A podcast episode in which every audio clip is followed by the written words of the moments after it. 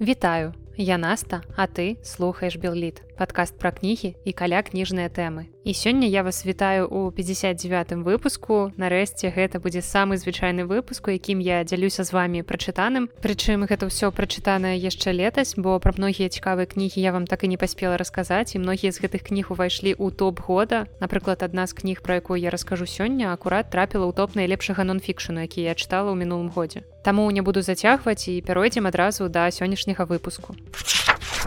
І сёння я вам буду расказваць выключна пра немастацкія кнігі і пачнём з кнігі Джейн Гудал, якая называецца в ціні чалавека. І хутчэй за ўсё 26гадовая Джейн нават не падазравала, як складзецца яе жыццё далейшае, калі ў 1960 годзе яна ўпершыню прыехала ў запаведнік гомбестрым. На той момант у яе была даволі, скажем, бедная адукацыя, яна скончыла толькі школу і сакратарскія курсы і вось акурат апошнія яе прывялі на працу ў кенійскі нацыянальны музей. І на той момант загадчыкам гэтага музею быў вядомы антраполог Луіс лікі. Менавіта лікі разгледзеў у сваёй асістэнцыі і сакратарцы Джейн даследчы патэнцыял і прапанаваў ёй адправіцца ў джунглі, каб вывучаць чымпанзе. Яшчэ раз нагадаю, што ў яе не было ніякай адукацыі акрамя школы. Яна прайшла школу сакратароў таксама, але адукацыі антрапалагічнай, нейкай біялагічнай у яе не было. І вось што піша пра гэта сама Джейн. Я решила, что он шутит, когда после небольшой паузы он предложил мне взяться за эту работу. И хотя это было именно то дело, о котором я мечтала, у меня не было специальной подготовки, чтобы вести научные исследования поведения животных,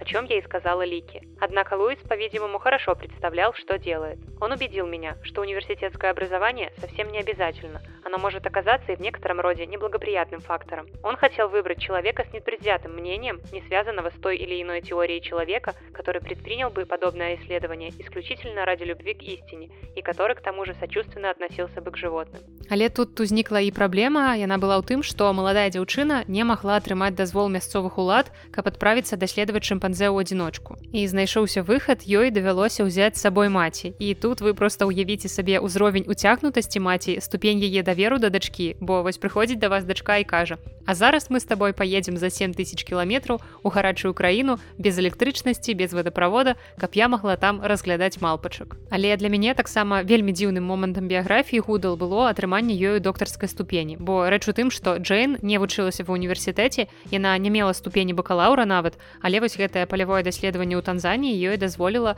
у 1962 годзе дапусціць яе да суіскання доктарскай ступені па эталогіі ў каледжы дарвіна ў кембрыскім універсітэце і ў 1965 годзе яна паспяхова абараніла дысертацыю і тэма яе гучала так паводзіны шымпанзе ў дзікай прыродзе. І ў гэтай кнізе в ціні чалавека Джейн расказвае пра пачатак свайго даследчага шляху. Яна расказвае, як яна маладая на той момант увогуле мала што ведала пра шымпанзе, як яна апынулася ў гушчы падзей пасярод гэтага сапаведніка, як яна сачыла за малпамі, назірала за імі ў іх паўсядзённым жыцці. І паступова яна ўцягвалася, яна знаёмілася з усімі насельнікамі, яна вывучала іх звычкі, вывучала іх быт. Ну і ўрэшце шымпанзе самі прывыклі да такой новай незвычайнай суседкі яны пачалі яе пазнаваць яны перасталі баяцца яны падыходзілі да яе яны больш не сароміліся нешта рабіць у яе прысутнасці. І ўвогуле калі ты чытаеш гэтую кнігу ты нібыта сочыш за жыццём шымпанзе як за нейкім захапляльным серыялам дакументальным на канале дискаверы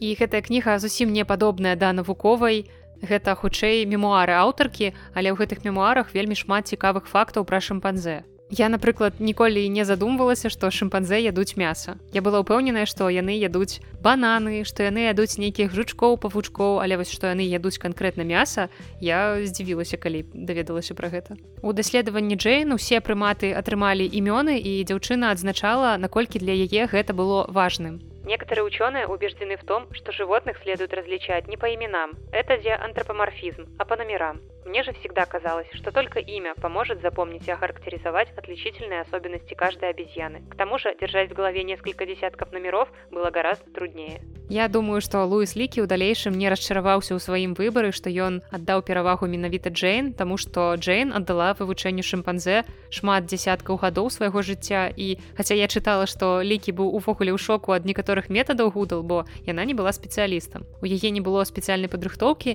таму яна сачыла за малпамі як магла. Напрыклад, яна прываблівала шампанзе ў лагер бананамі і для лікі гэта было поўным шокам і для ўсіх, хто жыў у наглядальным лагеры разам з Джейн, на той момант гэта сталася праблемнай сітуацыяй. У кнізе даволі падрабязна і займальна апісваецца, да чаго такая прынада прывяла. Былі моманты калі мне ад празмернасці эмоцый хацелася проста перастаць гэтую кнігу чытаць напрыклад калі Джейн распавядае як па запаведніку і па наваколлям пракацілася хваля поліаміэліту і яна сур'ёзна закранула не толькі людзей але і малпаў і гэта вельмі цяжка чытаць бо ты разумееш бездапаможнасць малпа ў гэтай сітуацыі яны просто не разумеюць што адбываецца але разам з тым вельмі прыемна чытаць кнігу і разумець што даследаванні Джейн яе ўсе высновы усе адкрыцці яны вельмі паўплывалі на даследаванні іншых жывёл напрыклад вось гэта яе упартасць у найменаванні шымпанзе менавіта імёнамі а не лічбамі яна дапамагла многім людзям лепш зразумець малпаў і наогул спусціцца вось такога пастамента з надпісам чалавек цар прыроды у кнізе таксама ёсць мноства фатаграфій зробленых хюга ван лавікам гэта першы муж Джейн і фотограф national geographic і вельмі мілае фото выбранае для вокладкі гэтай кнігі. Паглядзіце на расійскае выданне вельмі прыемная вокладка. Чалавек затміў шымпанзе сваім інтелектам но в такой же мере можно сказать что и шимпанзе затмевает остальных животных своим умением решать довольно трудные задачи использовать орудия в разнообразных целях и даже изготовлять их структурой своих сообществ сложной коммуникативной системой и наконец пробуждающимся самосознанием. Кто знает каким станет шимпанзе через 40 миллионов лет но для этого ему нужно выжить и сохраниться как биологическому виду. И никто иной, как мы, должны взять на себя ответственность за сохранение нашего ближайшего родственника. І калі вы таксама цікавіцеся тэмай, то я вам зараз назову яшчэ некалькі кніг, якія таксама планую прачытаць. Напрыклад, самая мабыць вядомая кніга на гэтую тэму сучасная гэта Роберт Сапольскі і яго запіскі прымата. Гэта чалавек, які пражыў сярод павіянаў даволі доўгую вялікую частку свайго жыцця, яму дакладна ёсць пра што вам расказаць. Таксама ёсць вядомая іншая даследчыца, якая даследавала ўжо гарылаў гэта Дайн Фосі і яна напісала кнігу гарілы в тумане таксама у мяне ў планах некалькі кніжак франца дэвааля гэта достаточно ли мы умны чтобы судить об уме животных таксама істокі морали в поисках человеческого у приматов і палітика ў шимпанзе власти сексу приматов ва ўсіх гэтых кніг добрыя водгукі. Я вельмі давяраю асабіста сапольскі тому что я чытала многае сапольскі ўжо раней на іншыя тэмы. Так что думаю даведаюся шмат новага і цікавага. а некалькі прабежак і вячэрняя дарога дадому пасля працы гэта час які я правяла з наступнай кнігай у навушніках. Увесь час мне хацелася азірацца таму што на час праслухоўвання гэтай кнігі у мяне цалкам знікла пачуццё абароненасці. Журналісцкае расследаванне Саша сулім кніга безлюднае место на прыкладзе адной даволі гучнай і жорсткай справы паказвае як ловіць маньякаў у рассіі спойлер ніяк. Думаю что вы за апошні час вельмі часта маглі чуць словазлучэнне ангарскі маньяк і нават калі вы зусім не цікавіцеся тэмай калі вы жывяце зусім у іншай краіне а рэч у тым што ў 2012 годзе нарэшце быў арыштаваны той самы чалавек той самы ангарскі маньяк гэта михаил папкоў які з 1992 года по 2010 год здзейсніў у іркутскай вобласці рассіі 80 забойстваў. Амаль усе гэтыя забойствы адбываліся па адной схеме. Вечарамі папкоў катаўся па ангарску па навакол коллях ён шукаў жанчын якія позна вярталіся дадому. Часам гэтыя жанчыны вядома ж былі на падпітку тому что гэта Росія гэта 90 і вось пах алкаголю для папкова быў нібыта таким званочкам заклікам да дзеяння і ён спыняўся каля гэтай жанчыны і вельмі часта ён быў апрануты ў форму супрацоўніка міліцыі. Тому что ён там працаваў некалькі гадоў таксама ён часта ездзіў на службовай машыне на гэтыя свае справы. І ён прапаноўваў такую жанчыну падвесці і хоць знешне папкоў не адрозніваецца нейкай асаблівай прыгажосцю але ў людзей ён выклікаў выключна станоўчыя эмоцыі ён быў падцягнуты ён заўсёды усміхаўся быў такі прыемны ветлівы. Просто ён не выклікаў негатыву ён прыемна усміхаўся і дзяўчаты без задняй думкі падсаджваліся да яго ў міліцэйскую машыну. Ну а далей папкоў прапаноўваў ім працягнуць вечар. І калі жанчына на гэта згаджалася то яе лёс быў вырашаны. Я паглядзела нават некалькі дакументальных перадач пра гэтую справу і кожны раз мяне вельмі пужала тое з якой прастатой сам папкоў кажа пра тое што ён зрабіў. Ён нібыта адчувае сябе такім санітарам лесу які просто пазбаўляе свет ад брыдоты просто новы бэтман расійскі На шчасце яму далі два пажыццёвыя тэрміны, якія не дадуць яму стаць зоркай расійскіх тэлешоў, як здарылася са скопінскім маньякам. Я спадзяюся, што прынамсі гэта так адбудзецца. Але варта дадаць, што папкоў не заўсёды кіраваўся свае асаблівым такім маральным кодексам, бо ён забіваў і адэкватных і цвярозак жанчын. І ў такіх гісторыях мяне заўсёды палохае тое, што мы ведаем імя маньяка, мы ведаем усе падрабязнасці яго жыцця, мы бачым яго пастаянна, калі ў яго бяруць інтэрв'ю, пра яго записываюць дакументалкі. Але калі коль колькасць ахвяр вылічваецца дзясяткамі то для нас гэтыя ахвяры нібыта становіцца безаблічнымі калі ахвяр зашмат нам вельмі цяжка суперажываць нам вельмі цяжка прасякнуцца гісторыяй кожнай. Гэта просто 80 трупаў гэта один мужчына 79 жанчын. І таму для мяне менавіта ў гэтай кнізе было важна пачуць галасы ахвяраў і іхніх сваякоў. Тут вельмі шмат страшных гісторый гісторыя ахвяраў папкова вельмі шмат падрабязнасцяў забойстваў таму гэтая кніга дакладна не для кожнага У пачатку кнігі нам даюць кароткую гістарычную даведку пра горад ангарску ввогуле пра яго сацыяльна-эканамічнае становішча пра становішча вобласці каб мы разумелі у якой атмасферы гэта ўсё адбывалася ў 90е і чаму ўсім у першую чаргу ў міліцыі было абсалютна пофіг. Бо тады ў 90е у рассіі людзей забівалі проста пачкамі асабліва ў такім рэгіёне як ангарск і таму доўгі час следчыя проста трупы гэтых жанчын не маглі звязаць у одну справу. І адзін з важных герояў гэтай кнігі і ўсёй справы ўвогуле гэта былы супрацоўнік міліцыі Арцём дубынін які затрымаў маньяка. І здавалася б тут такая падаецца чарговая шаблонная гісторыя пра таго самага чэснага мента але насамрэч Арцём быў той гісторыі ледзь не адзіным чалавекам якому было не пофіг. Менавіта таму ён зараз не працуе ў міліцыі ён сышоў з органаў. І я разумею што ў беларусі з гэтым таксама бяда бо пра якога беларускага серыйнага забойцу не пачынаеш чытаць усе паспелі здзейсніць вялікую колькасць забойства да таго як іх злавілі. І яшчэ гэта у нас краіна невялікая ў параўнанні з рассіі вось там раздолле просто гастралюй па краіне ўсё жыццё цябе будуць шукаць калі ты ну сам не попадзешся але вось папкову нават не давялося з'язджаць ён усё здзейсніў у ангарску у наваколле ангарску ў вобласці. І ў гэтай гісторыі самае важнае мне падаецца абстрахавацца ад вікцім блеймінга каментарыям у такім стылі што самі вінаваты чуе населі да яго машыну трэба было менш бухаць ой да ўсе яны там такія сякія але хто вы такія каб асуджаць гэтых жанчынаў пакуль яны не лезуць у ваше жыццё. Тут вельмі цяжка быць менш эмацыянальнай бо галоўнае самае пытанне бо хто гэты чалавек такі каб вырашаць іх лёс? Пасля праслухоўвання ці прачытання гэтай кнігі ўсё роўна застаецца мноства пытанняў наконт халатнай працы міліцыі і нават не столькі пытанняў бо ўсё там ясна. Колькі незразумеласці неразумення абурэння. Вось такія кнігі яны заўсёды выводзяць на эмоцыі але і дапамагаюць зразумець што толькі ты сам здольны абараніць сябе і ў некаторых сітуацыях сапраўды лепш быць паранойкам чым даверыць сваё жыццё камусьці яшчэ вось асабліва такой установе якая нібыта прызначана для нашай абароны бо ёсць такая стэеатыпная але ад таго не менш праўдзівая фраза калі заб'юць тады і прыходзьце і яшчэ ў мінулым месяцы я прачытала кнігу амерыканскага пракурора тэры салівана якая называется клоун убийца. Дзела маньяка Джона гейсі і наколькі іншыя пошукі забойцы апісваюцца там. Бо за 6 гадоў у 70 ён забіў ЗША 33 чалавек чалавекі і гэта толькі даказаныя выпадкі. І першапачаткова яго таксама не шукалі бо трупаў не было. Былі толькі загадкавыя знікненні хлопцаў падлеткаў маладых людзей але без трупаў гэтае знікненне не звязваліся ў агульную карціну бо падлеткі зразумела гэта такі ўзрост калі ты можаш просто сысці з дому кудысьці. І нават не ўсе бацькі хваляваліся за сваіх дзяцей. Яны думалі што просто нагуляецца і вернецца І толькі пасля знікнення яго апошняй ахвяры паліцыя нарэшце трапіла на след гейсі і ўжо гэтую нітачку зачэпку не адпусціла.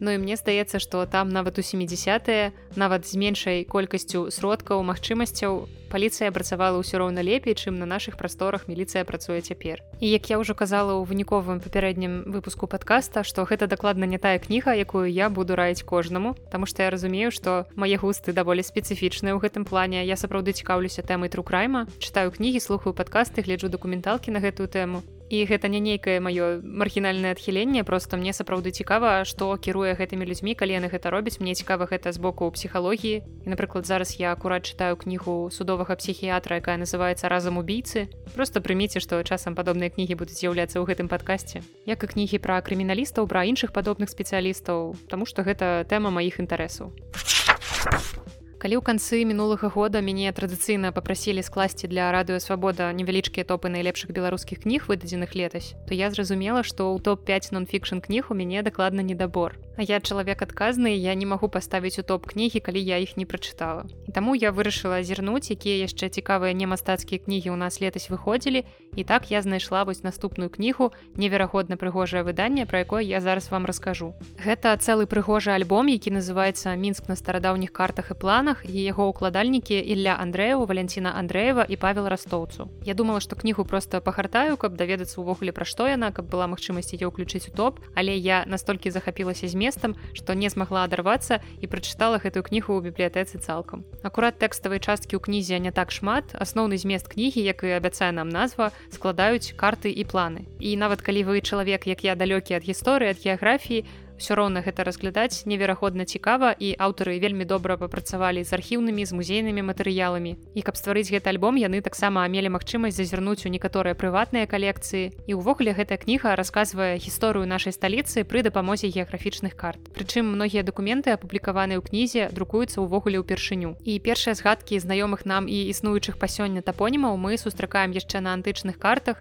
І вось акурат у гэтым альбоме можна ўбачыць напрыклад еўрапейскую сарматыю на картах пталамея і гэтаму вучонаму які жыў у першай палове другога стагоддзя нашай эры ў александрыі належаць акурат першыя геаграфічныя карты дзе мы бачым усходнюю еўропу. Менавіта пталамей заклаў асновы сучаснай картаграфіі бо менавіта ён прапанаваў прынцып пабудовы карт які мы ведаем сёння якім мы сёння карыстаемся. Гэта каардынаты сетка даўгод сетка шырот. Я думаю калі вы бачылі звычайную карту вы уяўляеце што маецца на увазе і адразу цікава што мелася на увазе пад назвай еўрапейская сарматыя гэта так называлася тэрыторыя паміж чор чорным і балтыйскім морам. Прычым апошняя на картах фігуруе пад прыгожай вельмі романтычнай назвай сармацкі акіян працамі пталамея карысталіся і праз шмат стагоддзяў яны неаднаразова выдаваліся яны перакладаліся на розныя мовы і мяне напрыклад вельмі здзіўляе як раней людзі нягледзячы на адсутнасць прывычных нам тэхнічных сродкаў тэлефоны GPS навігатары як людзі былі здольныя вельмі добра арыентавацца ў прасторы разумець знаходжання уласна сябе ў гэтай прасторы адносна іншых лакацый і спакойна перасоўвацца яны тады ўжо перасоўваліся на вялікія адлегласці нейкіх ваенных мэтах умелі мысліць маштабна А я цяпер калі мяне без навігатара дзе-небудзь пакінуць у незнаёмай частцы гораду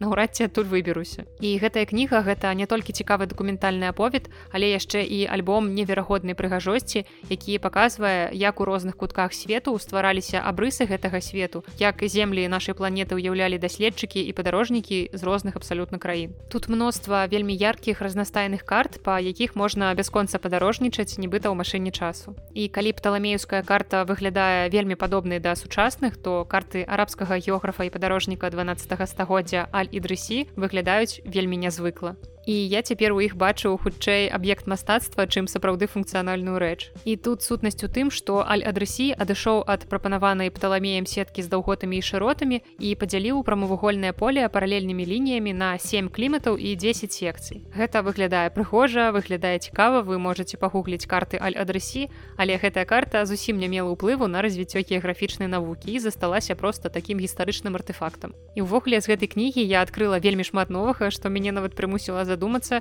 ці добра я слухала настаўніцу на уроках геаграфіі ці проста нам на уроках не расказвалі такія цікавыя захапляльныя рэчы. Напрыклад з гэтай кнігі я даведалася пра існаванне такога тэрміну як то карта. Гэта від сярэднявечнай карты дзе сусвет паказваўся круглым дзяліўся на тры часткі лініямі якія ўтваралі літару т а ў цэнтры карты знаходзіўся іерусалім і гэтыя карты не былі такія як прывычныя нам карты дзе просто сухая канстатацыя тапонімаў гэтыя карты былі цэлымі міні-энцыклапедыямі. Там можна было знайсці біблейскія міфалагічныя сюжэты карты былі заўсёды прыгожа размаляваныя. І зразумела таму на старажытныя карты не заўсёды можна абапірацца як на дакладную крыніцу інфармацыі. Але ў наш час просто нават глядзець на іх это ўжо вялікае задавальненне і сапраўднае падарожжа ў старажытнасць. Кніга грунтоўная кніга вялікага фармату яна скрыдаванай паперай каляровымі ілюстрацыямі ілюстрацыямі таксама ў канцы ёсць спіс літаратуры і калі вы шукаеце кніжны падарунак чалавеку які цікавіцца тэмай то гэта просто выдатны варыянт. Кніга сапраўды вялікага фармату. Я думаю чалавек здзівіцца калі вы яе прыгожа запакуеце ён будзе думаць што ж гэта там такое і гэта кніга ад карт сарматы другога стагоддзя да праекта ідэя мінска 27 жніўня 1944 года. На жаль апошні сказ кнігі пасля гэтага плана вельмі сумна зазначае. Планаў падобных на гэты было намалявана даволі шмат. Захаванне гістарычнага цэнтра яны не прадугледжвалі.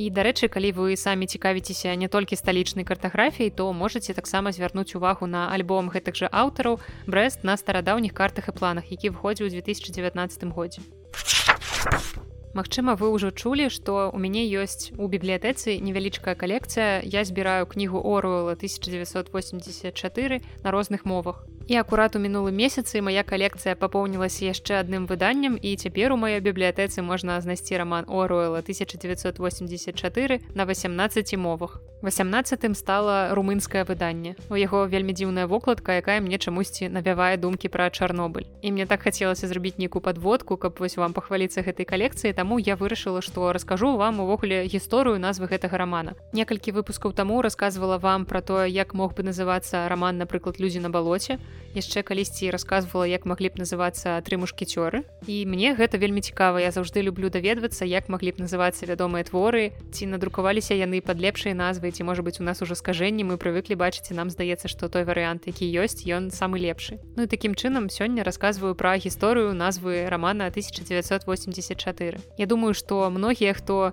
чуе гэты лічэбнік яны думаюць не пра канкрэтную дату пра чысці год нараджэння там год незалежнасці брунея выхад у пракат фільмы тэрмінатор яны думаюць пра прозвішча оруэла і пра гэта роман і перш чым дайсці да назвы 1984 пісьменнік перабраў яшчэ некалькі варыянтаў і першай працоўнай назвай было апошні чалавек у Еўропе Мне падаецца што тут зашмат лішніх слоў. Потым з'явілася назва жывыя і памерлыя і гэта таксама нешта трошки не тое. А потым орвел раптам з чагосьці вырашыў што лепш за ўсё зрабіць загалоўкам год у якім разгортваюцца падзеі кнігі.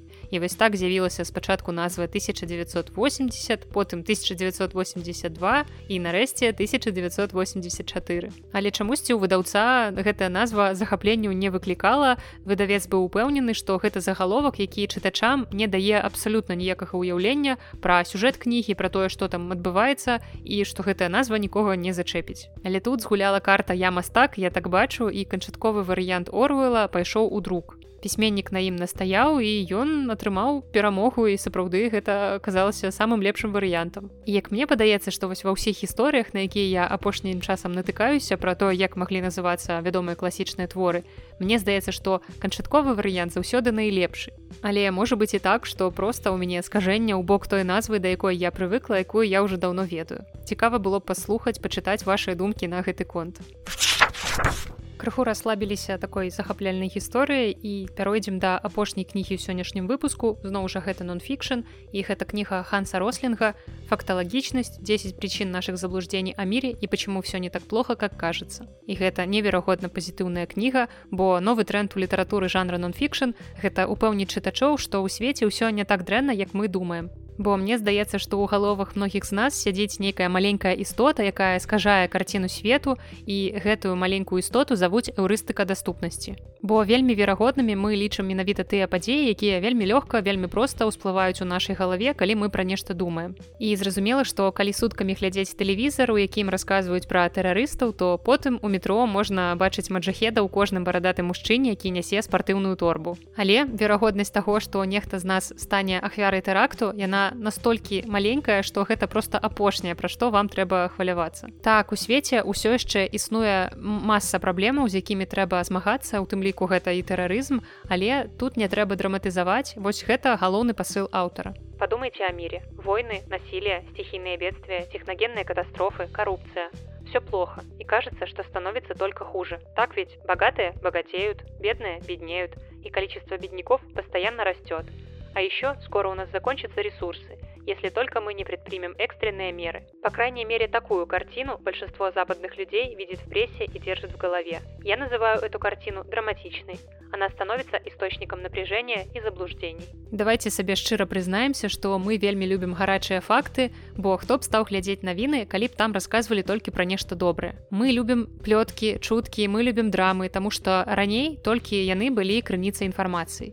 Эвалюцыя заклала ў нас інстынкт спяшацца, таму што калісьці гэта дапамагала не трапіць у бяду. У нас няма часу думаць, апрацоўваць інфармацыю, нам трэба бегчы. І тут ужо не да крытычнага мыслення, бо толькі такая канцэпцыя дапамагала нашим продкам выжываць. Калі асноўнае пачуцце, якое ты адчуваеш, гэта страх, то наўрад ці ты будзеш заўважаць нейкія факты. Але за гэты час наш свет змяніўся нашмат болей, чым наш мозг, так што не ўсе гэтыя стратэгіі мінулага прывядуць нас да поспеху цяпер. Мы постоянно слышим негативные новости со всех концов света. Войны, голод, стихийные бедствия, политические ошибки, коррупция, сокращение бюджетов, болезни, массовое увольнение, теракты. Если бы журналисты рассказывали нам о самолетах, которые не упали, и злаках, которые удачно взошли, они бы быстро остались без работы.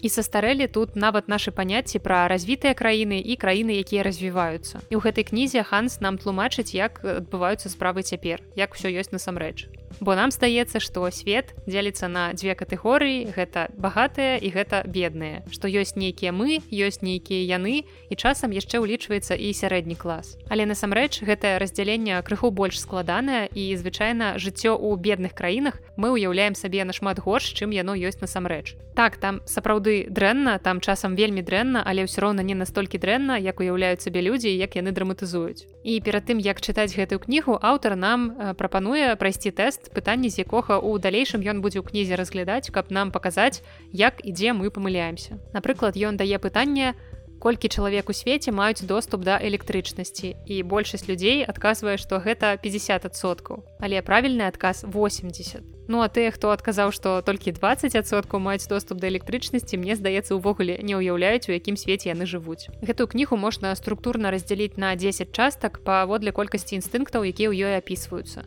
Тых інстынктаў якія перашкаджаюць нам бачыць рэальную не сапсаваную негатывам карціну свету но сенсационные теракты в странах четвертого уровня освещаются гораздо подробнее, чем гибель людей из-за последствий употребления алкоголя. У кнізе шмат ілюстрацый, шмат схем, графікаў, якія вам дапамогуць крыху лепш зразумець, як лёгка інфармацыяй маніпуляваць і гэтай кнігай рослін хоча развеяць самыя распаўсюджаныя памылкі людзей пра свет і патлумачыць як змена мыслення ў бок факталагічнасці можа вырашыць многія паўсядзённыя праблемы мир кажется страшнее чем он есть на самом деле поскольку вы узнаете о нем лишь выборочные факты отобранные прессой или прошедшие фильтр вашего внимания именно потому что они пугают так наш свет сапраўды далёка не ідэальны але ў асноўным ён усё ж такі не настолькі дрэнны як мы думаем помните ситуация может может быть плоха, но при этом становиться лучше. Становиться лучше, но оставаться плохой. Вяртаемся ў рэжым звычайных штотыднёвых выпускаў, таксама зусім хутка ўжо вас чакаюць і іншыя выпускі з розных цыклаў. І новы выпуск кожны панядзелак, А калі вы хочаце атрымліваць выпускі раней, то можете аформіць падпіску на сайце patreon кропка.com. Ну і таксама сярод патронаў я там перыядычна разыгрываю кнігі. А на сёння гэта ўсё. З вами была Наста і падкаст Белліт. Сустрэнемся праз тыдзень.